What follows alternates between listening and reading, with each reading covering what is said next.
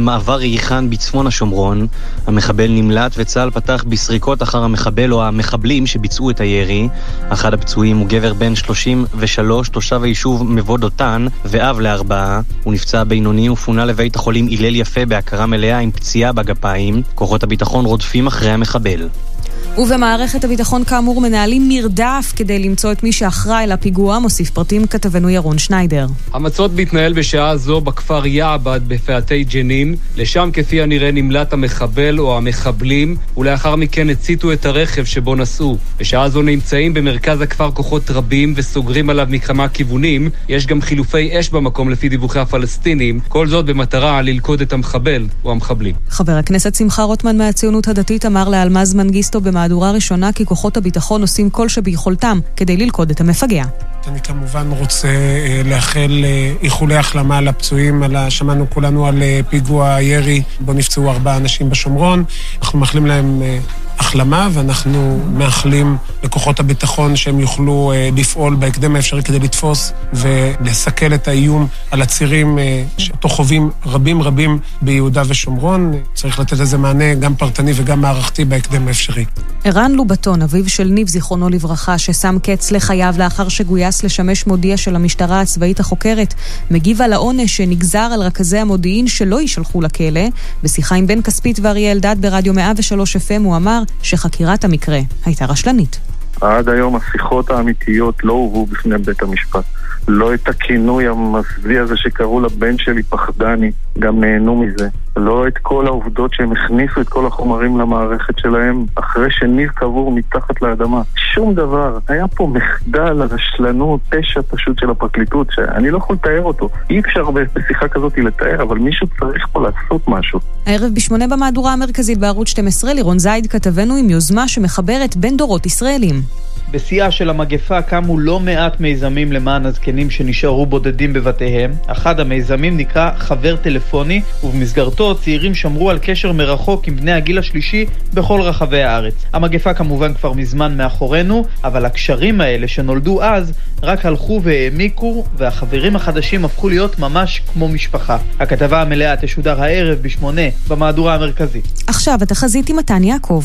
זוהי קריאה ללקוחות כל החברות. המכשיר שלכם מקרטע? בקרו בחנויות פרטנר ותוכלו ליהנות מבדיקת מכשיר מהירה ללא תשלום. כפוף לתנאים המלאים באתר פרטנר ובחנויות נבחרות ולמכשירים נתמכים בלבד.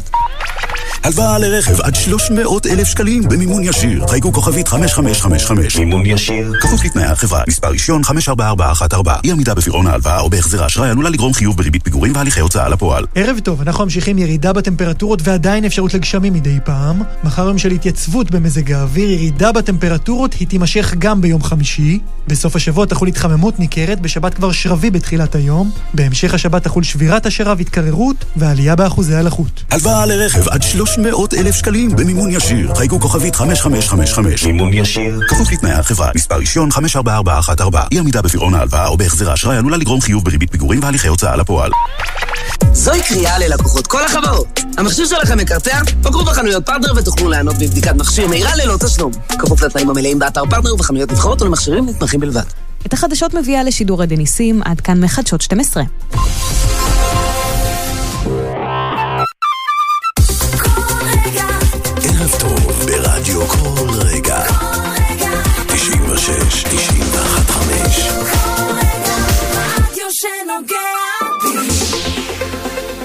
הדולר נחלש או שהשקל מתחזק, אנחנו עדיין במצב שבו צריך את ההוצאות להדק. הממשלה בונה, בונה בהתנחלויות, נתניהו קורא לשר השיכון לשיחות, התייעצויות והבהרות. יוקר המחיה עדיין פה, והוא לא הולך מכאן. ליאור ליברמן, אבנר קלמר, שלומי תדרי יוצאים לדרך עם עוד מהדורת שלישי של תוכנית הנדל"ן.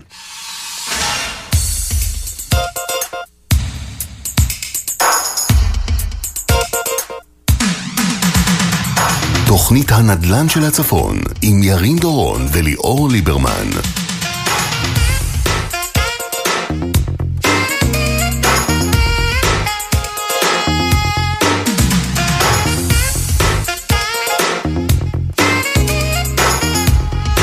ערב טוב לכם, מאזינות ומאזינים, 6 ו-5 דקות, כאן ברדיו קול רגע, 96 FM, 91.5 FM, ניתן להאזין לנו גם באפליקציה שלנו, רדיו קול רגע, חפשו בעברית, בגוגל פליי ובאפסטור. אתם יכולים כמובן להיכנס לאתר האינטרנט שלנו, 96fm.co.il. יש לנו גם אה, אינסטגרם וטיק טוק, בקיצור, כל מה שאתם צריכים לעשות זה לעקוב אחרינו, לתת לייק. ולהיות איתנו. תוכנית הנדל"ן של הצפון כמדי שלישי עד השעה שבע בערב. נגיד שלום לשניים שנמצאים איתי כאן באולפן, ליאור ליברמן, אלהר נכסים, שלום לך. שלום, ערב טוב, מה שלומך ירין? בסדר גמור, אפשר להגיד ערב טוב כשיש אה, אור של קיץ ו- וצהריים בחוץ? חבר שדיבר איתי עכשיו מבית שמש, שם יורד מבול, אז אנחנו יכולים להתנחם שיש לנו פה שמש, והשמש איזה- זורחת, אוויר- חם. מזג אוויר משוגע. משוגע, משוגע, אנחנו באמצע יולי ואנחנו צריכים מטריות, אה, הזיה. אבנר קלמר, קלמר פיננסים, שלום לך. ערב טוב, ערב טוב, מה נשמע? בסדר גמור, שלומך? נהדר. מבסוט שהדולר נחלש? או השקל מתחזק. כן, יש עכשיו ויכוח בין לא שר האוצר בצלאל סמוטריץ' לבין... מחכים לעוד שלושה ימים, וזה דווקא נתון שהייתי שמח לשמוע את אבנר מדבר עליו היום. היום יש לנו הרבה אופטימיות בתוכנית. אבל אתה יודע, זה הכל זוויות של ראייה, דיברתי אנחנו קודם. אנחנו בכלל באופטימיות, כי השבועיים האחרונים קצת מסמנים אה, התאוששות, התרוממות, אה, סוג של אה, אה, משהו חדש בתחום הנדל"ן שקצת מעורר ספקות באיזה תקופה אנחנו נמצאים, אבל יש התעוררות משמעותית. אנחנו כמובן נדבר על ההתעוררות כן. הזאת בהמשך. נגיד שאני ואבנר קלמר התווכחנו קודם על זוויות ראייה, נכון? גם העורכת הכלכלית של חדשות 12, קרן מרציאנו, ושר האוצר בצלאל סמוטריץ' מתווכחים על זווית ראייה. כן, אתה יודע. נתונים בסוף ברי השוואה. יש עכשיו גם עניין של, אה, אתה יודע, דוח ה-OECD, מה אומר על ישראל. אז תלוי באיזה, בין איזה תקופות אתה משווה. אה, אגב, הוא מראה טוב. מראה, מראה טוב מאוד. כן, אבל אם אתה משווה לתקופה יותר ארוכה אז הוא מראה קצת פחות טוב, אם אתה משווה לתקופות יותר קצרות אז אז שוב איך מסתכלים על זה. אה, כמו שליאור אמר, מרגישים איזושהי התעוררות בשוק, זה טוב, זה חיובי. אני רוצה דווקא להסביר משהו שדיברנו עליו ככה בקצרה בתוכנית שעברה, וחשוב להדגיש את זה. אה, והציבור חייב להבין את זה. אה, אין התחלות בנייה. אה, כמו שאנחנו רואים, היזמים לא ניגשים לפרויקטים של אה, רשות מקרקעי ישראל. יקר וסיכון. אה, הריבית יקרה וזו אחת הסיבות שהיזמים לא ניגשים. וכל הנתונים האלה מצביעים על דבר אחד, שיהיה מחסור בדירות, מחסור בהיצע. וכמו כמו בכל כלכלה, המחיר נובע מביקוש והיצע, וכשההיצע פוחת והביקוש גובר, הוא יגבר מתישהו, כשהריבית תרד, כשאנשים יבינו שזה המצב ואיתו צריך להתמודד, אז אולי קונים דירה יותר קטנה או לא יודע מה, אבל אה, בסוף, בסוף, בסוף, לטעמי, אה, וגם לדעת הרבה אנשים שמתעסקים בשוק הזה, המחיר יעלה. ל- לדעתי זה הזמן הכי נכון לקנות אה, אה, בית, גם אם הריבית קצת יקרה, זה מתי שהוא יתאזן. אבל אתה אומר המחיר יעלה, זה, קודם כל אני מסכים איתך, המחיר לא ירד וחוסר ב- בבתים תמיד יהיו. אגב, גם עכשיו הוא לא יורד, הוא מתמתן, יש, הוא לא יש, עולה. יש נתון אחד ששמתי לב אליו בשבועיים האחרונים, כוחה של המדיה. אתה יודע, פעם שהייתה איזושהי דירה מכונס נכסים, אתה יודע, הכונס אה, מחויב לפרסם בעיתונים מסוימים, וכולנו כבר, אה, אנחנו מהדור החדש, לא נראה לי שאתם אה, קוראים עיתונים. פחות. מדי פעם, בימי שישי שאתם... עיתונים זה החדשות של אתמול, אתה יודע. בדיוק. אנחנו הולכים אולי לעשות איזה קניות בקרטרינג, ופתאום מופיע איזשהו מקומון מסוים, אז אתה ככה מדפדף כדי, כדי לסמן וי. ומה שקורה, פתאום המדיה, אתה רואה בפייסבוק ובכל מיני אה, אתרים מסוימים, וגם מגיע דרך וואטסאפים, פתאום יש דירה מכונס נכסים, למשל במגדל העמק ברחוב יש לא תימורים. מעט עכשיו. ופתאום אתה רואה שזה מתעורר, אפילו המתווכים, הקולגות, אתה יודע, מפרסמים שיש דירה בכונס, וזה מעורר, אתה יודע, איזשהו עניין. אגב, זה גם, זה גם, אה, זה בדיוק מתקשר למה שדיברנו בהתחלה. גם עניין של השוואה. כי אם אתה מגיע ממצב של 0 ל-10, זו אמנם עלייה של אה, אה, אלף אחוז, אבל זה עדיין מעט. פתח את ישראל היום, ביום שישי אני בדרך כלל אה, אני עושה גם את זה. כמוך. אתה מוצא שם חמש, שש דירות. אז אני שמח אם בכל מדינת לא, ישראל אני- אני- יש חמש, שש אני- דירות בשבוע. לא, אני רוצה לגעת בנקודה אחרת. כאילו, אני בתקופה אומר, כזו. המודעות, כי הרי מה המטרה של כונס נכסים? הרי ב... נלך עשר שנים אחורה, כל מי שניגש ל... לדירה מכונס נכסים, אז הוא אמור לקנות אותה משמעותית אה, זולה יותר משווי שוק. וברגע שיש מודעות ויש חשיפה הרבה יותר גדולה, אז כמות הניגשים היא כפולה ומכופלת. למשל, קח גם... את ומה קורה כששלושה גברים יושבים בשולחן אחד? אתה מבין? האגו משתלט על כל מחיר. בדיוק, וקח למשל דוגמה נוספת, שיש יש לנו את אה, שרון- מכרז הימנותא. יופי, זה, בכלל, דיברנו על זה וזה כבר נתן את את הסוגיה ומנסים למנוע את זה בהמשך. אבל יש למשל את המכרז שדיברנו שבוע שעבר במגדל העמק, אה, 17 מגרשים אה, לצמודי קרקע. ופתאום אתה שומע בשבוע האחרון, פתאום החשיפה, ואני אני יכול להגיד את זה באמונה שלמה ואני גם חותם על זה. הכמות ניגשים ש, שיהיה במכרז הזה, אני לא חושב שבשנים האחרונות אה, במינהל מקרקעי ישראל זכו לכמות מעטפות כזאת. זה משהו שהולך להיות מטורף. זה גם כי זה מוצר שהולך ונכחד. בדיוק, וה, והסוגיה הזאת היא, היא, זה סוג של שאלה כזאת, אתה יודע, אתה מצד אחד בא ואומר, עד שיוצא מכרז, הוא יוצא כמעט 600 אלף שקל מהמכרז האחרון ש... שעבר לא מזמן, לפני שנה אגב, זה גם יותר. חלק מהפסיכולוגיה הישראלית, ודיברנו על זה שבוע שעבר לגבי אומן. נתנו לך ב-300, חשבת שזה יקר, כשאמרו לך 600, אמרת, טוב, פעם הבאה זה יהיה 900, אז הסכמת אני לשלם. חושב שהם הסתכלו גם על הנתונים שלהם. חלילה. תראה, הנתונים של העסקאות אה, באומן אה, מדברות בעד עצמן. אגב, היום מוכרים חצי דונם במיליון שלוש מאות. המינהל עובד על פי שיטה מאוד מסוימת.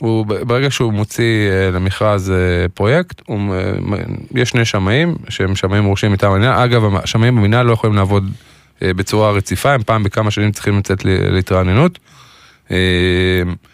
אה, אותו שמאי אומר מה המחירי שוק. המינהל נותן איזושהי הנחות מובנות לפי... אז אני אה, מנסה להבין, איפה- לפי-? אזור הפיתוח. אסור לנו להתעלם מזה שהמחירים באומן עלו מעצמם. אבל אתה צריך להבין אה, שיש לזה פה משמעות מאוד מאוד גדולה. אני אסביר לך, את ה- בוא נסביר את זה בפרקטיקה. יצא מכרז באמן לפני שלוש שנים, 300 אלף שקל.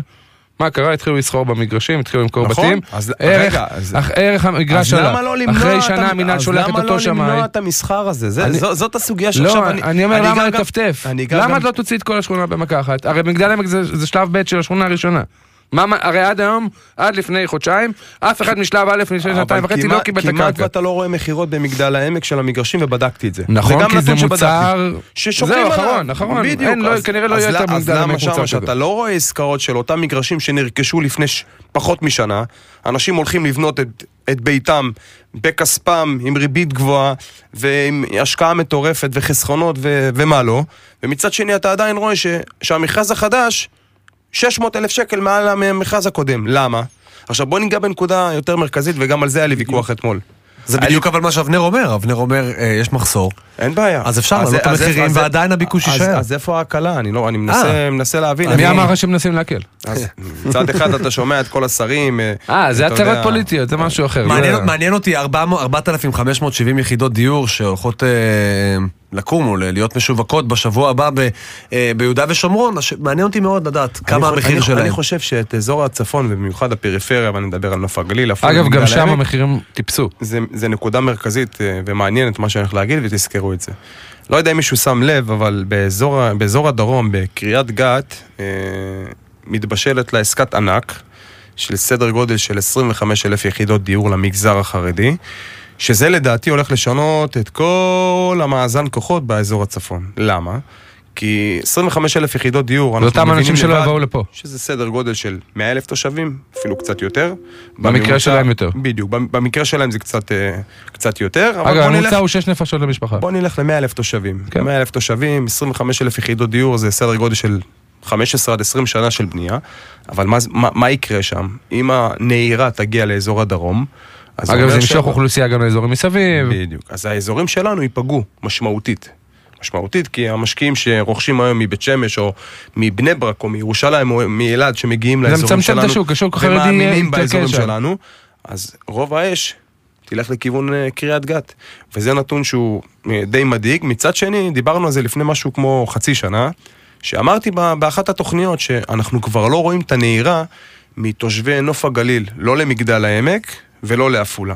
שבשנתיים האחרונות, ללא ספק, מי שהעלה את המחירים בצורה משמעותית, לרוב, זהו תושבי נוף הגליל, כי הם מכרו ביקר ורכשו באזורים שלנו אבל בזול. גם העפולאים עכשיו מוכרים ביקר ל- לאוכלוסיות עכשיו- חרדיות. עכשיו השוק השתנה. עכשיו, מה קורה בעפולה למשל? הרי אנחנו יודעים אגב, נוף הגליל יש לזה הסבר מדויק.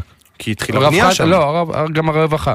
יש שם ראש עיר שהוא עושה ניפי לטעמי נפלא. לתושבים. מצוין, אז הבינו, אה, הבינו ואין להם ש- סיבה גם ללכת. הנושא של הפינוי-בינוי שם נותן את אותותיו. נכון, לאנשים אין סיבה ללכת. יש להם סוג של...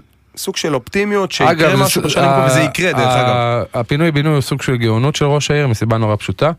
אה, יש לי במקרה לקוח כזה עכשיו. אה, אנשים לא מוכרים את הבתים, אז הם לא עוזבים. אני, חלק מהפעילות שלי עכשיו, פשוט. בשבועיים האחרונים, כי הם האחרונים יש לי מצפים. איזשהו אה, מגה פרויקט שקיבלנו להחתמות שם, אז אני קצת מתקשר באמת למה שאתה אומר, וזה באמת נכון, אבל נתון אחד שאנחנו חי, חייבים לשים לב אליו, הרי עפולה התחילה כפיילוט של תוכנית מחיר למשתכן, לפני משהו כמו חמש שנים. עכשיו, מחודש אפריל, כל אותם רוכשים צעירים במרכאות, לא רואים אותי באולפן אבל אני מדגיש את המרכאות, אה, יכולים למכור את דירתם. עכשיו, קח את אותם זוגות צעירים שקנו ב-600, 700, 800, זה הזמן הבוננזה. 900, אני מדבר על הדירות אה, פרימיום, ואני עוד מעט אגע בנקודה מרכזית. אנשים בעפולה עשו קופון של מיליון שקל. מוציאים את הדירות לשוק. עכשיו, מה קורה? אותו משקיע שגר בלוד, או גר בראשון לציון, או באזור המרכז, ובאמת לא מעניינת אותו הדירה, הוא רוצה להיפגש עם הכסף. הון עצמי של כמעט 100 אלף שקל, ויש לי עסקה כזאת שעכשיו היא מתנהלת ואני אומר את הנתונים כי הם בדוקים. הוא הניח, הזוג הניח 100 אלף שקל, זה ההון העצמי שלו, 600 אלף שקל משכנתה, 700 אלף שקל מחיר העסקה, והוא מוכר את הדירה במיליון 270. עכשיו, מה הנקודה המרכזית פה? המחיר שוק היום של דירת ארבעה חדרים אבל איזה דירה הוא יקנה? שנייה, המחיר שוק היום, תבין מה קורה פה, המחיר שוק היום של דירת ארבעה חדרים בשכונת C1, בפרויקטים שרק מתחילים, זה נע בין מיליון 370 עד מיליון 450. אתה שואל את השאלה, רגע, אז למה הוא מוכר דירה שהיא מוכנה, קיימת, המשקיע שיקנה את הדירה יכול מ-day one להרוויח את השכירות ואת התשואה במיליון 270, למה? מה הסיבה? תבין מה קורה, 100 אלף שקל הון עצמי, הוא קנה ב-700, הוא ימכור במיליון 270, תעשה, תעשה לבד את החשבון. 570. יופי, ועוד 100 אלף שקל, הוא הפך להיות מגה משקיע, סופר, יש לו כבר כמעט 700 אלף שקל הון עצמי. אז אה, אתה מבין לבד את, ה, את המשוואה. אגב, בדרך- גם אבל קיבל גם- מענק אבל מהמדינה 60 גם אלף שקל. עכשיו, זה, ליאור- זה החלק הקטן, יש. אנשים שעשו מיליון שקל. בסדר. הפכת אותם למשקיעים, חלק מעולם, מה שהם לא היו חוסכים כל החיים שלהם בעבודה קשה. מה שאתה בא ואומר, החמש שנים האלה צריכות צריכות להיות עשר שנים. זה לא עניין של עשר שנים, אני אומר בצורה פשוטה, גם המכרזים עכשיו שיש באומן ובמגדל העמק ובכל עיר באזורים שלה, מי שניגש למכרז, צריך לגור שם. צריך לגור, אחרת אתה הופך אותו למשקיע. ותקופת צינון שהוא לא יכול למכור מעבר לחמש שנים. זה, אוקיי. אלא אם כן חס וחלילה והזוג התגרש או שקרה משהו בלתי צפוי, יש ועדת חריגים בשביל זה. יופי, עכשיו אני אתן לך סוגיה נוספת. תגיד, למה אנחנו לא מדברים על להחזיק? אני אתן לך סוגיה להחזיק נוספת. מקסימום שתי דירות. לא, זה... זה... למה לא? לא, אסביר, יש מיסוי. אני אסביר. יש מיסוי, אבל אני אומר, אני בתור משקיע... ברגע שאתה לא, גורם... זה להגביל את השוק וזה לא לא, טוב. אתה אז לא- זה כמו להגיד לבן אדם לא לסחור ביותר משלוש אני מניות. מסכים זה איתך, אני. מסכים איתך שזה ב- ב- בעולם אה, ניאו-קפיטליסטי. אנחנו לא רוצים פה דיקטטורה, ירן. נכון, אבל תסבין.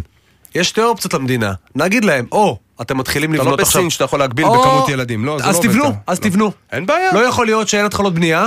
אגב, ויש כאן אנשים בואו, עם, אה, אה, דיברנו על אינטרס ועל הצגת נתונים בתחילת התוכנית ותראה זה כל הזמן מתקשר. אין למדינה שום אינטרס להוריד את המחירים. יש, לא- אני- היא אני- שולטת אני- בשוק אני- הזה אבל במאה אני אחוז. אתן- אני אתן סוגיה נוספת. למשל, אתה מכיר את הפרויקט במגדל העמק של של העמותה. העמותה כן. שבנו שם צמודי כן. קרקע בזמנו, כן. ששיווקו, פרויקט מהמם, הסתיים, אנשים גרים. יש לנו עסקה שמתנהלת היום, ופתאום אתה קורא את החוזה שלהם, ואתה מגלה סעיפים שהרוכשים בכלל לא מודעים לסעיפים האלה. סעיף ראשון, שהם מחויבים לקחת את העורך דין של העמותה, עד חלוף חמש שנים מרגע שהפרויקט יתאכלס. הזוג שרוצה למכור היום מחויב לקחת את העורך דין של החברה, אם הוא רוצה או לא רוצה, הוא, אם הוא לוקח עורך. דין מטעמו, 5,000 ש"ח פלוס פעם. עם זה אין לי בעיה, זה, זה, זה נסבל. ואז אתה קורא בין השורות ואתה מזהה שפתאום מי שרוצה למכור לפני, ח- לפני תום אה, תקופת חמש. הצינון, החמש שנים, הוא חשוף לקנס. קנס של כמעט אני- 50 אני- אני- 50 אלף אני שקל. אסביר לך למה. זה תנאי- של רמ"י לעמותה, אה, כי כי היא הגיעה כעמותה. אה, זה בדיוק כמו מכרזים של הרשמה והגרלה, שזה מיועד לבני המקום, וזה בדיוק מה שאתה מבקש, שאנשים יגורו. נכון? וזה מצוין. זה- זה- זה עושה את העבודה בסוף. עכשיו אגב, עשו את העסקה- זה גם- עשו את זה גם העסקה בהר יונה ד'. העסקה מתבטלת. בהר אתה יונה יודע מה? ד' אסור להשכיר דירות. אני לא התפרנסתי מהסוגיה הזאת, כן, עבדתי מאוד מאוד קשה, ו- ולא הייתי חשוף למידע הזה. קורה, אתה יודע, שכר לימוד, אנחנו לומדים כל יום משהו חדש. אבל העסקה מתבטלת, אתה מבין מה קרה פה? המוכרים עשו את החשבון הכלכלי, גם התקופה היא פחות טובה, זאת אומרת שהם פינטזו על מחיר מסוים, הם לא קיבלו אותו. מצד שני, עכשיו יש רוכש בפחות כסף, קח את השכר טרחה של העורך דין, של המתווך, ופלוס הקנס, אז אתה מבין שהם לא עושים עסקה טובה, אז הם אמרו סטופ, אנחנו נמתין עוד שלוש שנים, ונמכור בשקט בפטור מס שבח, בלי קנסות, בלי בעיות. אתה מבין את המשמעות? קח זוג צעיר שקנה במחיר למשתכן, והוא לא יכול למכור, הוא חייב לגור בדירה, תוכיח שגרת בדירה, קבל איזה פטור שאתה רוצה. אבל אל תהפוך אותם... מ- הופך אותם למשקיעים בעל כורחם. מרוכשים שללא התוכנית הזאת לא היו קונים דירה, אין לי בעיה עם משקיעים. למשקיעים. אין לי בעיה עם משקיעים. לא, אבל כשיש היצע דירות. לא. ושזה גם יהיה בשוק. חופשי. אגב, מחיר המשתכן זה הדבר היחיד ששווק במדינת ישראל מבחינת נדל"ן. מה זה גרם? לאותם מחוסרי דיור, שאליהם גם אני יכול את זה. להגיד לך בוודאות שדרך אגב, קבינט הדיור, אם יש משהו שהוא שובר את הראש, זה בסוגיה הזאת. זה הסוגיה שמכשילה את כל הפרויקטים העתידיים שהם רוצים לפתח, והם לא יכולים לפתח, ואבנר מקודם דיבר, אני ישבתי אתמול עם יזם בכיר מאוד, שבנה באזור חצור מאות יחידות וגם בטבריה, והוא רכש כמה מגרשים עכשיו בעפולה, והוא אומר לי בצורה פשוטה, ליאור, אני לא מסוגל היום, בגלל המינוף שלי, לבנות בעפולה פרויקט מגורים, א', כי השוק בתקופה פחות טובה, ב', אני צופה שב-2024, אמצע 2024, שנה מהיום, כמו שאבנר אומר, היזמים לא יתחילו לבנות עכשיו כי הם מפחדים מהמימון והמינוף שלהם. והמדינה לא תהיה לה ברירה? הסיכון שלהם מאוד מאוד גדול. ב-2024 השוק יתאושש, הרי, אתה יודע מה הוא אמר? הוא אמר לי אבל משפט, אמר- רגע, תסביר מה- זה אבל- יתאושש? אני אסביר, מה זה יתאושש? כן. הוא אמר לי משפט אחד. ליאור, ביום, תזכור את המשפט הזה, ביום שהריבית תרד באחוז אחד, ברבע אחוז. האטרף יחזור. ברור. אתה אה, מבין? אני אסביר לך, יריב, ברגע את שאנשים שאלתך. יזהו אני רוצה להסביר ירידה. זה עדר ללא רועה. קלמר פיננסים, מתי הריבית תרד באחוז? רגע, לפני כן. היא תעלה בעוד אה, רבע אחוז, אתה אה, מתכוון. בחודש הבא כבר. למה? כי המחסור בדיור לא נעלם.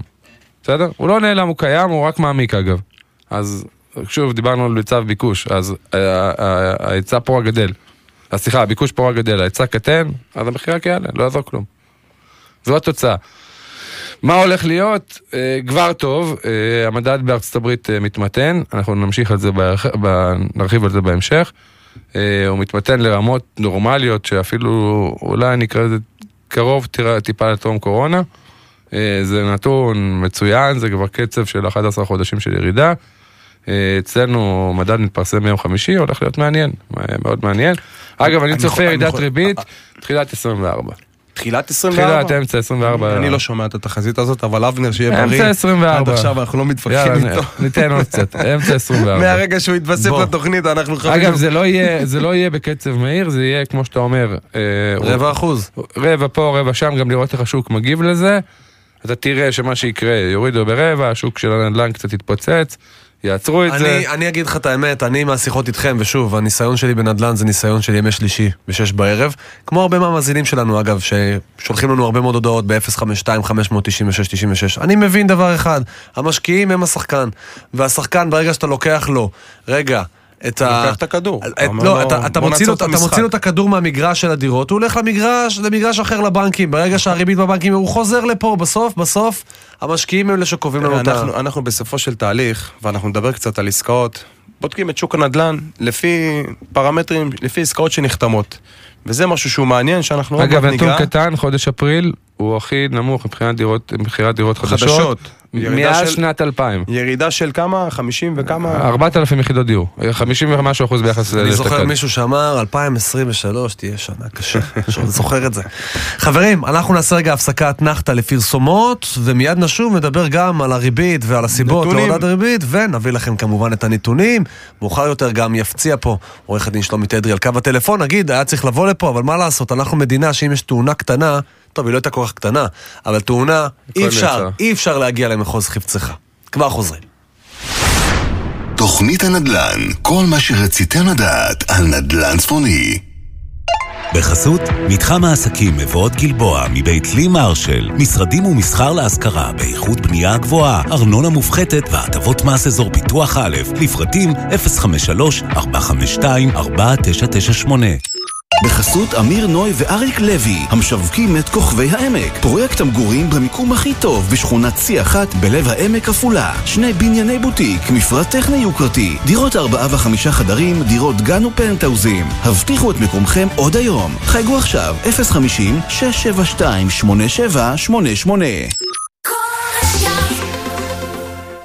שישי חם באלדן. קרנבל המכירות של אלדן חוזר בשישי הקרוב. בואו לסניפי אלדן ברחבי הארץ לשש שעות של מחירים מטורפים, הטבות בלעדיות, ועוד ים של הפתעות על מגוון גדול של רכבים. אז נתראה בשישי? אלדן, נותנים את הנשמה. כפוף לתקנון. שומעים? לא אותי, את המים המוגזים. תמי 4 באבל X, מים מוגזים איכותיים וטעימים בלחיצת כפתור במהדורת צבעים מהפנטת. להצטרפות חייגו כוכבית 6944 או בקלות באתר. בתוקף עד 25 ביוני 2023 או עד גמר המלאי. אני אגיד לך יותר מזה, גם בחיסכון בחשמל טורנדו אינוורטר לוקח. אני קיבלתי טורנדו אינוורטר במחיר של מזגן רגיל. בטורנדו אינוורטר לוקח, עם 7 שנות אחריות מלאה, ועד 50% חיסכון בצריכת החשמל. בלעדי לטורנדו, טורנדו אינוורטר, במחיר של מזגן רגיל. יש מזגן ויש טורנדו. מצמצתם? פספסתם! כלמוביל trade-in מציגה אירוע מכירות של פעם בשנה, 11 עד 16 ביוני. מגוון דגמים מבעלות פרטית ואחריות מבית היבואן במחירים מדהימים שאסור לפספס. קדרון אחת עפולה, כפוף לתקנון באתר החברה. יריד העודפים הענק של טרקלין חשמל עפולה חוזר ובגדול! עד 50 אחוזי הנחה על מגוון ענק של מוצרי חשמל חדשים, תצוגות ועודפים. המלאי מוגבל וכל הקודם זוכה. עכשיו, ביריד העודפים הענק של טרקלין חשמל מתחם פרנדלי בעמק, עפולה. תוכנית הנדל"ן, חזרנו. טוב, יש לנו כבר דיווחים על יישובים אה, במועצה אזורית גלבוע שסופגים עכשיו ממטרי גשם. אה, התחלנו את התוכנית בשמש, עכשיו הוא קצת אה, משחיר. 13 ביוני 2023. מדהים. עוד העולם- שבוע, העולם משתגע. עוד שבוע אנחנו מכריזים על הקיץ באופן רשמי. אנחנו השתגענו וגם גם הנדל"ן משתגע. ליאור ניברמן, נתונים. בואו נדבר קצת נתונים. בואו ניקח עכשיו, אה, כמו שדיברנו מקודם, על הדירות הזולות שיוצאות אה, של המחיר למשתכן, שהן קצת אה, משנות את, את המשחק בשוק הנדל"ן בעפולה. אז נדבר גם על העסקאות ה- של הפרויקטים המובחרים והטובים. אז אנחנו מדברים על שלוש עסקאות שנחתמות של דירות חמישה חדרים במיליון וחצי, שזה בעצם משקף היום. דירות חמישה חדרים. באיזה שכונה? אה, שכונת C1 וגם שכונת רובע ישראל, אה, פרויקטים חדשים, דירות חמישה חדרים, סדר גודל של ממיליון ארבע מאות שמונים. אגב, חמישה חדרים, ארבעה חדרים, אנחנו תמיד מדברים על זה, יש סטנדרט אה, מטראז' מסוים? בוודאי. חדר לא יכול- לא יכול להיחשב אם הוא- אם הוא קטן מ-9.1 בוא תן לי רגע, אתה- בוא נעשה את זה ככה למי שלא בקיא בעניינים. המטרה של דירת חמישה חדרים היום, אה, המינימום זה בין 128 מטר נטו, לפני מרפסת שמש, עד 140.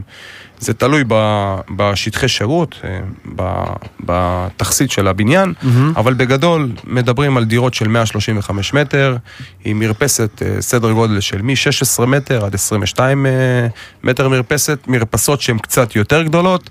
אז זה כבר נחשב דירת חמישה חדרים אקסטרה לארג' שהיא יותר גדולה והיא גם נמכרת הרבה יותר.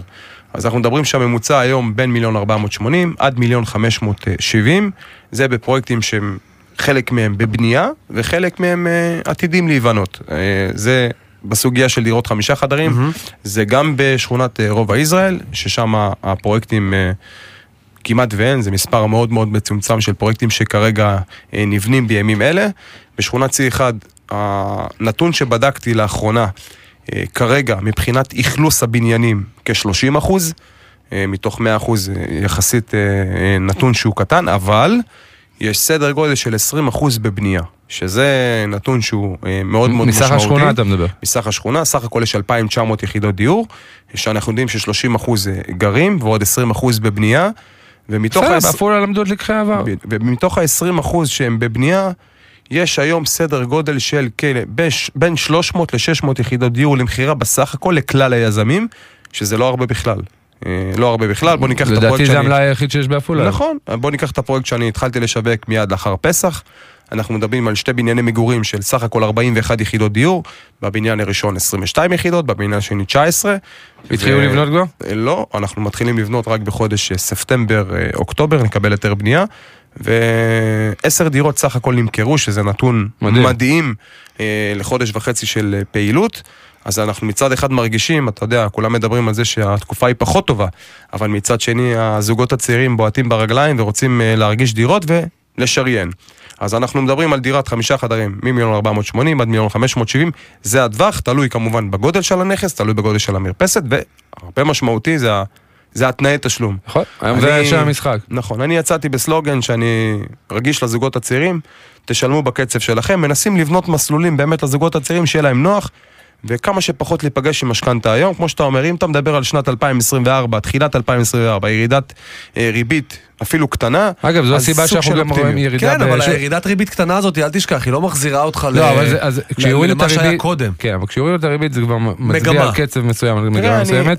אגב, חלק מהסיבה ששוק המשכנתאות התכווץ בצורה מאוד גדולה, זה תנאי תשלום ביד ראשונה. חד משמעית. רוב ה... מה דיברנו לפני חצי שנה? אבנר שאל אותי, תגיד, למה אתה הולך וחותר למגע של העסקאות של ה-20, 80, 30, 70, 20 אחוז עכשיו, ובמסירה 80 אחוז? בבקשה. זה- זאת הסיבה, אנשים לא רוצים להיפגש עם משכנתה. אנשים ייפגשו עם משכנתאות זה בעוד? שנה וחצי. מה זה אומר? ששוק המשכנתאות בעוד כן, שנה וחצי יתפוצץ. בדיוק, הבעיה היא שהיזמים באזורים שלנו, בנוף הגליל, בעפולה, מגדל העמק, לא יכולים לעמוד בכמות עסקאות כל כך גדולה של הטבות כאלה, נכון. של 2080, הם צריכים כי לממן. בסוף זה עולה להם. בדיוק, אם המימון שלהם היה לפני חצי שנה או לפני שמונה חודשים, כלום. יודע, כלום, אז היום הוא הרבה יותר, אז אבל מצד אנחנו אחד... יודעים, אנחנו יודעים שזה תמיד מתגלגל לעבר לא, הרוכשים. הפעם, הפעם זה לא מתגלגל. הם סופגים את זה? בדיוק. העסקאות הם מרוויחים פחות. העסקאות של ה-2080 נחתמו בתקופה שהריבית לא השתוללה, שהיה, אני אני לא טועה, זה הריבית השנייה או השלישית שעלתה. אגב, גם אז עשו את זה מפוזיציה מסוימת של לצפות למדד, ואז בדיוק. באו והורידו את המדד ל-40%. המדד המדד היה גבוה והמדד ואנשים לא- פחדו. לא- לא עולה בצורה אז באו כזאת. ליזם ואמרו להם, תקשיב, אני צריך מחיר פיקס לבטן את המדדים, לבטן את ההון העצמי שאני עכשיו אה, אה, מניח בחתימת חוזה, ובעצם רוצים להיפגש בקבלת מפתח. אז אותם יזמים היום, אתה יודע, בדיעבד, שם, מצד אחד התקופה היא פחות טובה, מצד שני הרווחתי לקוחות. נכון שהם ישלמו לי בעוד שנה וחצי.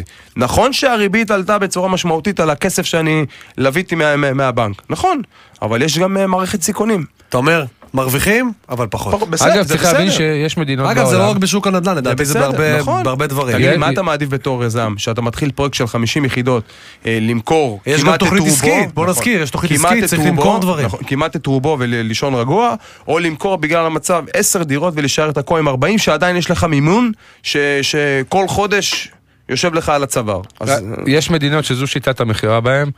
אה, באוסטרליה למשל אתה משלם 10% בהתחלה, לפני היתר בנייה, ו-90% רק כשהדירה מוכנה. אה, אגב, באירופה. אגב, ליאור, בבניין כזה חדש שמתכננים להתחיל את ה... לקבל את ההיתרים בספטמבר, אמרת, נכון? כן, ספטמבר, אוקטובר. אה, כמה זמן לוקח לבנות, אה, אתה יודע... 30 לאח- חודשים, מתחייבים בחתימת חוזה. שנתיים וחצי. שנתיים וחצי. עכשיו, בשנתיים וחצי, מצד אחד דיברנו לפני חודש, שהמחיר שכירות עלה בכמעט עשרה אחוז. אני אומר הרבה יותר. אז תיקח את מרכיב המשכנתה, שאנשים לא רוצים להיפגש היום, וגם את מרכיב השכירות שהיא עולה, ויוקר המחיה שמתווסף לתהליך. אתה מנסה לא, להקל לא, על הזוגות אני, אני הצעירים? מנסה רגע לעצום עיניים, לדמיין זוגות צעירים שצריכים לשלם גם שכירות, גם משכנתה. וגם לחיות. אנחנו רוצים לשדר אופטימום, אבל בואו נדבר על, ה... על עסקת השבוע. אה, נמכרה דירת גן אה, בשכונת C1, ארבעה חדרים, 140 מטר אה, בנויה ועוד כ-160 מטר גינה, במיליון 950, אה, שזה מחיר מטורף, אה, נוגד לכל הציפיות, מיליון לכל התקופה, מיליון 950? 950, שרוב העסקאות. שנחתמו באזור בחצי שנה האחרונה זה ממיליון 670 עד מיליון 750, אלו המספרים. דירה מיוחדת משהו? דירה משופצת, משודרגת. בוא, היום טוב. לקבל 300 מטר אה, שטח, זה לא... זה המשפט. זה וילה על הרצפה, כן. אהבתי. זה הנקודה המרכזית. הזוג הצעיר שהגיע אמר לי, תקשיב ליאור, אני חושב שבעוד שלוש וארבע שנים, לפיסת אדמה יהיה משמעות. אתה לא יכול להתווכח. עכשיו, כרגע... אגב, הוא גם לא טועה. יופי. כרגע, זו הדירת גן היחידה שמוצעת למכירה. אז אין פה יותר מדי שאלות, כי כמו שאמרתי, המחיר למשתכן עכשיו, אתה רואה טפטופים... אין לה מחיר משמעות שיש גם, דירה. אתה יודע, הוא קונה את זה, בוא נגיד, נעגל את זה, קונה את זה בשני מיליון שקלים. זה לא אומר שעכשיו, בתוך שנה, שנתיים, אה, הוא יפסיד על הדירה אנחנו- הזאת כסף מירידת ערך. אנחנו מדברים על אגב, הוא לא. בטוח שהוא מפסיד או מרוויח, כי לא- זה לא ביזנס, מקסימום הוא לא מרוויח. אני אשאל אותך את השאלה. הזוג הצעיר הזה היום הולך לקחת משכנתה של מיליון שלוש מאות ל-30 שנה. תגיד לי את ההחזר בבקשה הוא. ישלם בערך 6,500 שקל בחודש. אתה מבין את המשמעות. ירין? 6,500 שקל, משכנתה חודשית לזוג צעיר שמרוויח ומשתכר במשכורות יפהפיות, אבל עדיין, זה סכום שהוא מאוד מאוד גבוה לאזורים שלנו, לדעתי, בכל אופן. אה, זו דעה שהיא, אתה יודע, שהיא רק זה- שלי. זה מוצרים כל אחד- שלא, לא, שהם נכחדים, ו-. וזו הסיבה. מצד שני, ראינו מכירות בחודש האחרון במיליון 280 של דירת ארבעה חדרים בשכונת C1, ועוד דירה שנמכרה במיליון 320, וגם שמעתי על דירת פרימיום. דירות מחיר משתכן? במשתכן, כן, ושמעתי אגב, דירת... זו הסיבה שהמחיר טיפה נמוך, כי זה דירות לא זה משודרגות מה שאני בדרך בא כלל. ואומר. הזוג הצעיר למשל, ששוחחתי איתו השבוע, אמר לי, תקשיב ליאור, אני לא גר באזורים שלכם. אני רוצה להיפגש עם הכסף. יש הוא לי- גם הרוויח מספיק מבחינתו, בדיוק, יש זה לי לא משהו משנה לו. מעניין באזור המרכז, יש הטבות משמעותיות באזור המרכז, אגב- שם כן רואים ירידת מחירים משמעותית. אתה יודע, אתה אומר באזור המרכז, רק נגיד שאושר אה, תוכנית דירה בהנחה, חוזרת לאזורי הביקוש. כשאנחנו אומרים לאזורי הביקוש, זה לא הפריפריה, לא אזור הצפון. ברור. שוב פעם, נגיד את זה כך. למרות ששוב, אתה גילית את הבלוף, אתה אמרת, גם כשיש פה אה, פרויקטים של דירה בהנחה, מי שמגיע וזוכה, זה. הם לא אנשים מכאן. נכון. Uh, בגדול, אז אנחנו כן רואים uh, מגמת uh, התעוררות טובה. למרות שלמדתי שברבעון האחרון אנחנו חיים על פיקים, אתה יכול לחוות פתאום שבועיים של המון פגישות, המון סיורים, המון זריעה, אני מגדיר את זה בצד המקצועי של זריעה, שדברים שמתבשלים לאט אבל מתבשלים בצורה טובה. ושבועיים לאחר מכן פתאום אתה יכול לראות אה, תקופה עכשיו, תקצור בעתיד. בדיוק, תקופה שהיא פחות טובה, פחות פגישות, ופתאום מוכרים, אתה יודע, שהתרגלו פתאום לשבועיים אינטנסיביים שאתה מגיע ומראה את הנכס, ופתאום שבועיים שקטים אומרים מה קרה, אה, זהו, אה, הלקוחות נגמרו, אז אנחנו תמיד מנסים ללמוד את התקופה ביחד, אבל אני חושב שאנחנו מתחילים לראות איזושהי התעוררות. למרות שגם אה, זאת התקופה להתעוררות, נאמר את האמת, אה, חודש אה, שישי-שביעי, אה, תקופת חודשי היריד- הקיץ, ירי- נדל"ן שעשינו בזמנו, היא תקופה מצוינת, אנשים יותר בחופשים, יש להם יותר זמנים, וגם יותר רוצים להתחדש. טוב, בואו ניתן קצת למאזינים שלנו אופטימיות אחרי שהיינו שנה פסימיים. אז הדולר ממש חוזר לרמות של תחילת השנה. השקל מתחזק, הלו, תקשיב לשר האוצר. יאללה, השקל מתחזק. אה, שלא יאשים את התקשורת שאנחנו אה, רק אה, משדרים פסימיות. ושער הדולר ירד בחמישה אחוז בשבוע וחצי, שזה המון. אה, צריך להבין, אה, בסוף, ואנחנו כבר נסביר את זה, איך, איך בסוף הכל מתגלגל. אפילו הדולר בסוף ישפיע על אה, רמת הריבית פה ועל רמת המחירים פה ועל כל דבר. אה, צריך להבין שבנק... אגב, אגב, צריך להגיד שזה מאוד מאוד מאוד משמעותי ליוקר המחיה בכללי, לא רק לנדל"ן. כבר נסביר את זה וזה כי- מאוד כי- מאוד משפיע. כי עכשיו, אחרי הקורונה, שהכל חזר ל... אה, אתה יודע מה, אני, אני מתעסק עם זה אפילו בתוכנית תוצרת הארץ של החקלאות. מחירי הגרעינים, לדוגמה. נכון. כרגע מה שמשאיר את המחיר גבוה, אגב, אתה יודע זה שאפילו הדולר. עכשיו הסכר הזה שנפרץ באוקראינה, הוא מציף שם הרבה שדות, ו- וכנראה עלייה במחירי הסחורות. ויש בארגנטינה וברזיל אל ניניואים וכל כן, מיני תופעות כן, כן, כאלו. כן. ברור. אה, אז- תמיד יהיה אז- משהו לאן- לאנשים, אתה יודע, ליבואנים ולאלה ש... כן, משהו שישפיע על זה. אבל בוא תראה איזה גלגל יפה ואיך הוא, הוא בסוף מתחבר אלינו. אז הדולר יורד, אה, השקל מתחזק, אה, וצריך להבין, שוק המטח, מטבע החוץ, הוא השוק הפיננסי הכי גדול בעולם. אנחנו מתייחסים אליו ככה בצד כזה, ב... אבל צריך להבין שיש בשוק המטח בעולם מסחר יומי של חמישה טריליון דולר ביום. ואתה יודע, הסכום שיותר גדול מכל המסחר בכל הבורסות בארצות הברית, פי כמה וכמה. אה, בנק ישראל מחזיק גם ביתרות של 200 מיליון דולר, אה, והוא בעצם השחקן הכי חזק בשוק הזה, וצריך להבין שבסוף השוק הזה גם מונע קצת מספקולנטים, שיכולים לעלות ולהוריד את, ה, את, ה, את הרמה, חוזק של הדולר או של השקל, תלוי איך רוצים להציג את זה, אה, וזה מתקשר לנו לזה שהמדד היום פורסם בארצות הברית, ודיברנו על זה קודם, הוא מציג נתונים, נתונים טובים של ירידה של 4%. אה, אגב, יש לנו 11 חודשים אה, בקצב של האטה, אחרי שנתיים של עלייה, אם נגיד, וזה אם נגיד נתון מאוד המדד מאוד טוב. בארצות הברית יורד, כמה זמן לוקח לזה בעצם להגיע לכאן? זאת אומרת, כמה, אנחנו עוד מעט, אה, נכון, אמורים לפרסם לא- את המדד זה- שלנו. זה לא- ארצות הברית פחות משפיעה עלינו ברמת המדד, כי אנחנו פחות צרכני יבוא משם, אנחנו יותר צורכים מהמזרח, מאירופה.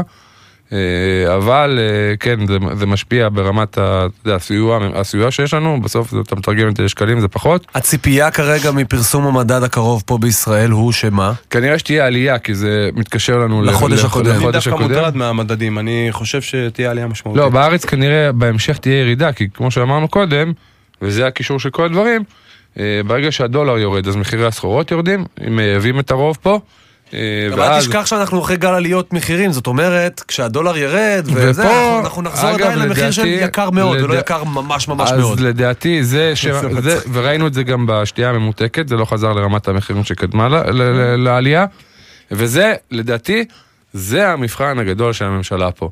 אם הם ידעו לנטר את השוק, ולהבין שהירידות מחירים צריכות להתגלגל לכיסו של האזרח בסוף, שם זה יתבטא. אני רוצה לשאול אותך- יותר מהכל, וזה המנוע שיביא לכל בתור- ה... הירידות. בתור אחד שישב איתך גם אה, ב- בארבע עיניים, אני רוצה לשאול אותך עד כמה יש אחריות לנו, לצרכנים עצמם, בכל הנושא של המדד. הרי בסוף בסוף אנחנו יש. יכולים לבחור יש, ו- אם לקנות. ביוקר או לקנות בזול. האחריות היא הכי גדולה, וראינו את זה עכשיו בצרפת, וראינו את זה פה בשנות ה-80 שהדלק עלה, יצאו לרחובות ולא צריך להתבייש. יש... אני לא מדבר איתך רק לצאת לרחובות, אני. מדבר איתך גם ללכת ולקנות לא את המותגים, לקנות את הדברים או היותר לא לקנות. זולים. או לא לקנות. או לא לקנות. או לא לטוס. צרכנים, אתה יודע, או- ליאור כמובן שאנחנו אומרים שיש פה קושי, לא, ליאור ליאור מסתכל על- הנחיתות וההמראות, אומר הכל אני עמוס. חושב שאנשים חוסכים אה, כל מה שהם יכולים, כי אין להם אופציה אחרת. היום, הם כבר במצב של חוסר ברירה אגב. אה, בוא נגיד זה לא פשוט. ש-30-40 אחוז מהאנשים. להוריד אה, רמת חיים ולהוריד אבל, דברים אבל שהיית אתה, רגיל אתה הלכת אליהם. רחוק, הלכת לטיסות, טיסות זה מותרות, זה דבר של, אתה יודע, של, אה, אתה יודע, זה, משהו שרק כשיש לך בצד אתה יכול, גם אם מישהו לוקח לזה הלוואה בסוף, אבל אה, צריך להבין, אם תהיה פה, אם, אם תהיה פה ירידת מחירים, כי מחירי הסחורות יעלו יותר זול, המדינה צריכה בסוף לוודא שמגלגלים את זה לצרכן, המדד ירד, הריבית אה, תרד, והכל יחזור על כנו. נורא פשוט. מעניין. נמשיך ב, ב, בהקשר של הנושא של פינוי-בינוי שדיברנו בשבוע שעבר עם יאקי. אה, מרגישים שהשבוע האחרון קצת עשה באז משמעותי הרבה הרבה יותר, ויש מוכרים שעוצרים את המכירות שלהם. שוב. בעקבות הדבר הזה. שוב, זה, אתה יודע, אנחנו מדברים על דירות מתפוררות. דירות אה. מתפוררות בשכונות מתפוררות, שאומרים, רגע, אולי כדאי לחכות עם זה קצת, יבוא אבל איזה יזם. אני אגיד לך עד מתי. ימתינו לת- לתוצאות הבחירות. אה, זה מה שמעניין את האנשים. אה, לראות מי ראש עיר שייבחר, כי ראש עיר שיש לו אג'נדה והוא... והוא ידחוף את התהליך למקומות טובים. אני מאוד מכבד את המועמדים השונים, אני חושב שעדיין, בכללי, אתה יודע, עדיין יש- בלי דחיפה והכנסת היד של הממשלה לכיס, שום ראש רשות לא יכול לעשות את זה. אני כי חושב- אתה- אתה מכיר את היזמים, לא כדאי להם לבוא אבל לפה. קראנו שבוע, שבוע שעבר וגם יום, אנחנו ביום שלישי גם כמו ליגיה, שבנוף הגליל, אה, חבר'ה, זה כבר אה, קורם עור וגידים, וזה כבר אה, מתחיל... משווקים דירות כבר. בדיוק, מתחילים לצאת לפועל פרויקטים שם, אז אי אפשר להגיד, אתה יודע, אבל לא- שזה קשור רק לממשלה. לצערנו, נוף הגליל לא דוגמה טובה. לכלום. לא, זה, זה מעניין, סופר מעניין, כי בנוף הגליל היא דוגמה... כי לראש ראש העיר יש לו אינטרס לקדם שם את הנדל"ן, זה מה. שאמרתי, אם יש ראש עיר שדוחף. ובסוף הכל... והעיר מאוד מאוד חשובה לו, והוא רוצה להפוך את החדש ביחד עם הישן נכון. למשהו שהוא יותר אה, מודרני, אז זה יקרה.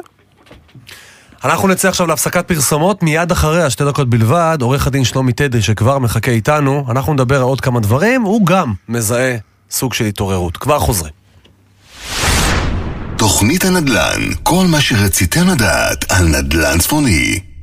בחסות אמיר נוי ואריק לוי, המשווקים את כוכבי העמק. פרויקט המגורים במיקום הכי טוב בשכונת צי אחת בלב העמק עפולה. שני בנייני בוטיק, מפרט טכני יוקרתי, דירות ארבעה וחמישה חדרים, דירות גן ופנטהאוזים. הבטיחו את מקומכם עוד היום. חייגו עכשיו, 050-672-8788. בחסות מיצובישי חוגגת 35 שנה בישראל בימי מכירות חגיגיים, 13 עד 20 ביוני. לפרטים כוכבית 5839. מיצובישי מבית קולמוביל, כפוף לתקנון. בחסות מתחם העסקים מבואות גלבוע מבית לי מרשל משרדים ומסחר להשכרה באיכות בנייה גבוהה ארנונה מופחתת והטבות מס אזור פיתוח א' לפרטים 053-452-4998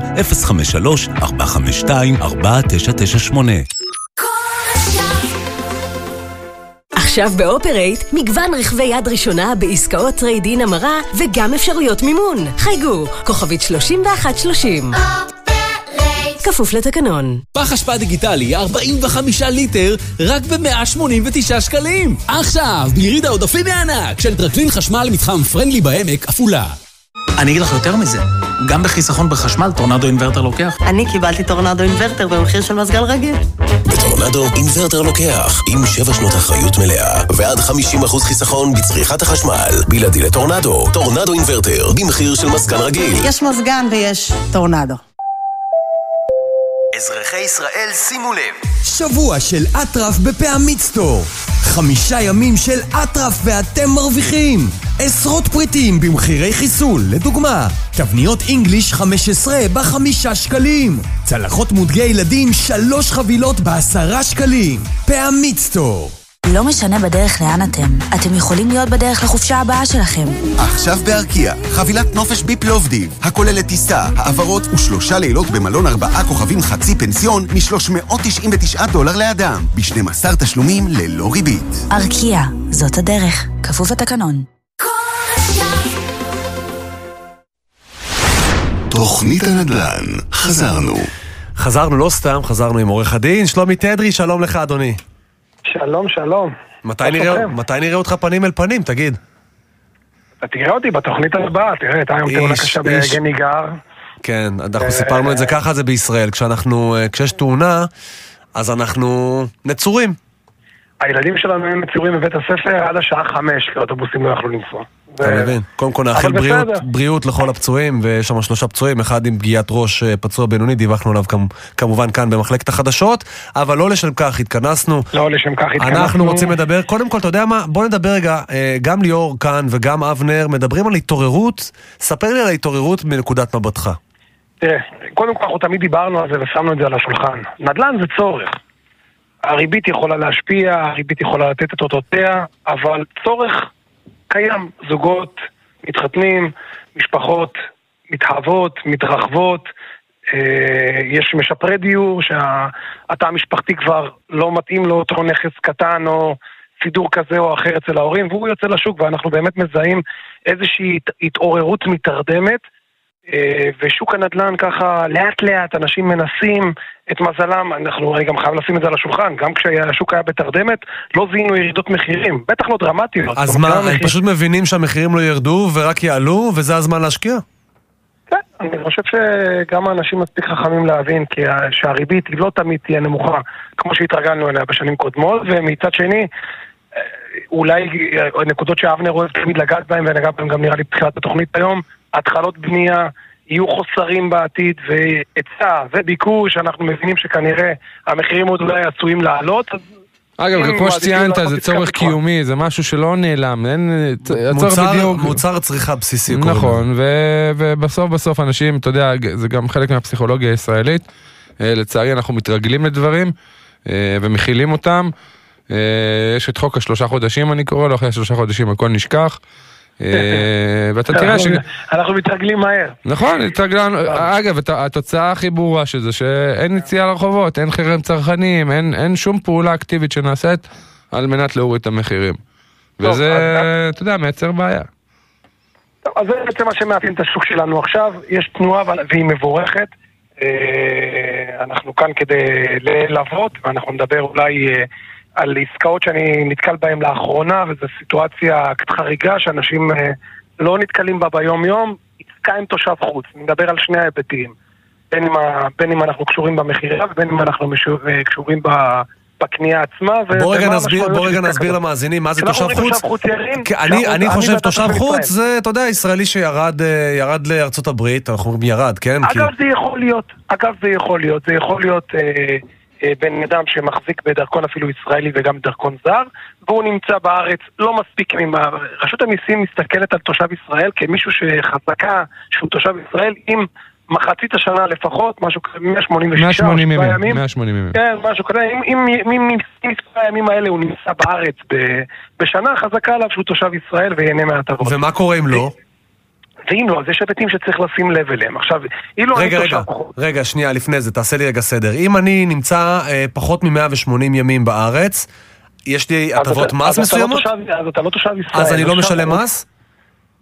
אתה- אתה לא. אמור לשלם מס. זאת אתה אומרת, לא אני יכול... עליך אם אתה נמצא יותר מ-180 אתה מחויב. זאת אומרת, אני אגב, יכול, אני יכול סיפורי לגור... בר רפאלי. אני יכול לגור בסירה בים, אה, 181 ימים, או מה שזה לא, לא אבל. אתה מוגדר שאתה נמצא במדינה כלשהי, כי יצאת או נכנסת במדינה אני כלשהי. חייב לשלם מס במדינה אחרת? במדינה לא, מסוימת, זה אפשר- לא- זה לא אגב, זה תלוי גם זה לא באמנות מס, אה, יש לזה הרבה משמעות. ירין, זה לא כזה פשוט, אתה יודע, מהבחינה צריך להוכיח את זה, יש לך שהייה במדינה מסוימת. יש את עניין לך בר אישומים- רפאלי שהוכיח את יש זה הכי טוב. נכון, בר רפאלי לא סתם, לא סתם אה, באה וחיפשה אה, את הימים המסוימים האלה לא להיות בארץ, אלא כדי ליהנות מתשלום מס מופחת, וגם אז צריך לחול עליך המס של המדינה שאתה אה, חי בה, ולפעמים המס שם הוא יותר נמוך מישראל, אולי אפילו בסוגריים אני אגיד ברוב המקרים אולי הוא יותר נמוך מישראל, וזה המצב. עכשיו, אם אני תושב חוץ, לצורך העניין, ואני רוצה לבצע, לבצע עסקה, אני נמצא אה, במדינה מרוחקת, קודם כל, שאלה ראשונה שתמיד ישאל תושב חוץ, מהו המס שחל עליי?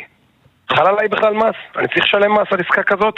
תלוי, התשובה תמיד תהיה תלוי. כשאתה קונה את הדירה, זה פשוט לענות לאותו תושב.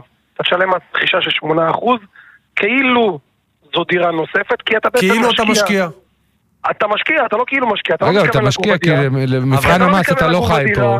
אתה כן, לא אבל יכול לא להיות- יכול להיות. שאין בבעלותי דירה, אני רק מזכיר... אה, אין בעיה, אבל במבחן המס אתה לא- לא גר פה. יותר ממחצית תכף מהימים תכף בשנה, אתה תכף לא גר פה. נדבר על זה, אין בבעלותי דירה, זו הערה מצוינת, אבל היא נכונה רגע למצב השני שתכף נדבר עליו. זאת אומרת, אני לא עומד בפרמטר של תושב ישראל, הפטורים לדירות מגורים ניתנים לתושבי ישראל. הוא לא תושב ישראל כי הוא לא עומד בחזקה הזו, והוא גם בטח לא מתכוון לגור בדירה הזאת, אז, אז הוא צריך לשלם את המס 8%. הוא יחיה עם זה, הוא יתמודד עם זה. עכשיו, כשאתה מוכר, פה השאלה טיפה יותר מורכבת. אתה יכול, יכול לבוא אותו תושב חוץ ולומר, זו דירתי היחידה. נכון, שילמתי מס רכישה, אבל עכשיו כשאני מוכר, אין לי דירה אחרת בישראל. השאלה היא אם יש לו דירה אחרת במדינה שהוא חי בה. אילו יש לו די- דירה אחרת במדינה שהוא חי בה, אז אין לו, הוא לא עומד בקריטריונים של דירה יחידה.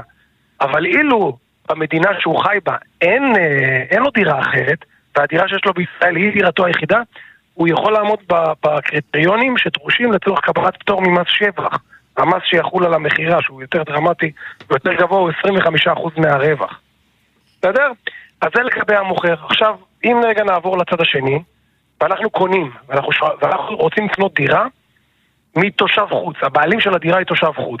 פה יש לנו אה, לא, לא נורת אזהרה, יש לנו רמזור, שאנחנו צריכים רגע להיזהר, כי אנחנו בעצם באים ורואים דירה של סביבה שאנחנו אוהבים, שהיא כלבבנו, אולי השכנים נראים סבבה, אבל את, הבעלים של הדירה לא פגשנו מעולם. וזה מאוד חשוב, כי לא זיהינו אותו. אז השאלה היא איך מתבצעת המכירה. אילו המוכר, תושב חוץ, עולה על מטוס ומבצע את העסקה בעצמו, דיינו, זה המצב הקל. אבל אם הוא לא מבצע אותה בעצמו, והוא מבצע אותה באמצעות מיופה כוח, מה חשוב לנו כדי לזהות את זה? אז ראשית שהייפוי כוח, הוא יהיה ייפוי כוח ספציפי ולא כללי. מה הכוונה ספציפי ולא כללי? אני רגע אעמוד על זה בשנייה למרות שזה נשמע פשוט.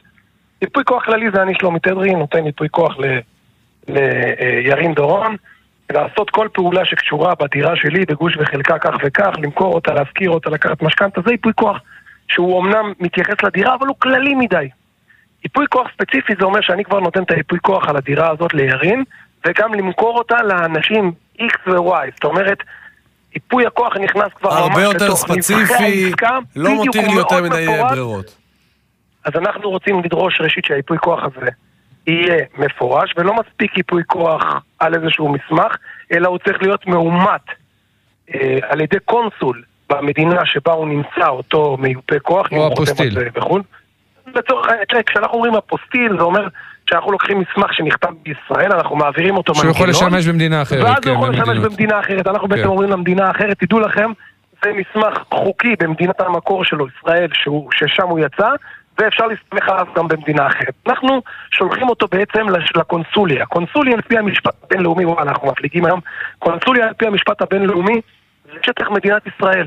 אז הוא למעשה אותו מוכר, פוגש אותו הקונסול, אה, הוא מדיין אותו על פי דרכון, שזה מה שחשוב לנו, שיזהו אותו על פי הדרכון שהוא הבעלים שתואם לרישום בטאבו, והוא נתן את הייפוי כוח למיופה כוח הספציפי, שאותו אנחנו מזהים בישראל על פי תעודת זהות, ואז אנחנו רגועים. כמובן שאנחנו נדרוש את המקור, הוא יכול לשלוח לנו את זה בינתיים סרוק, ולשגר לנו את זה לארץ עם FedEx, וככה אנחנו מבצעים את העסקה.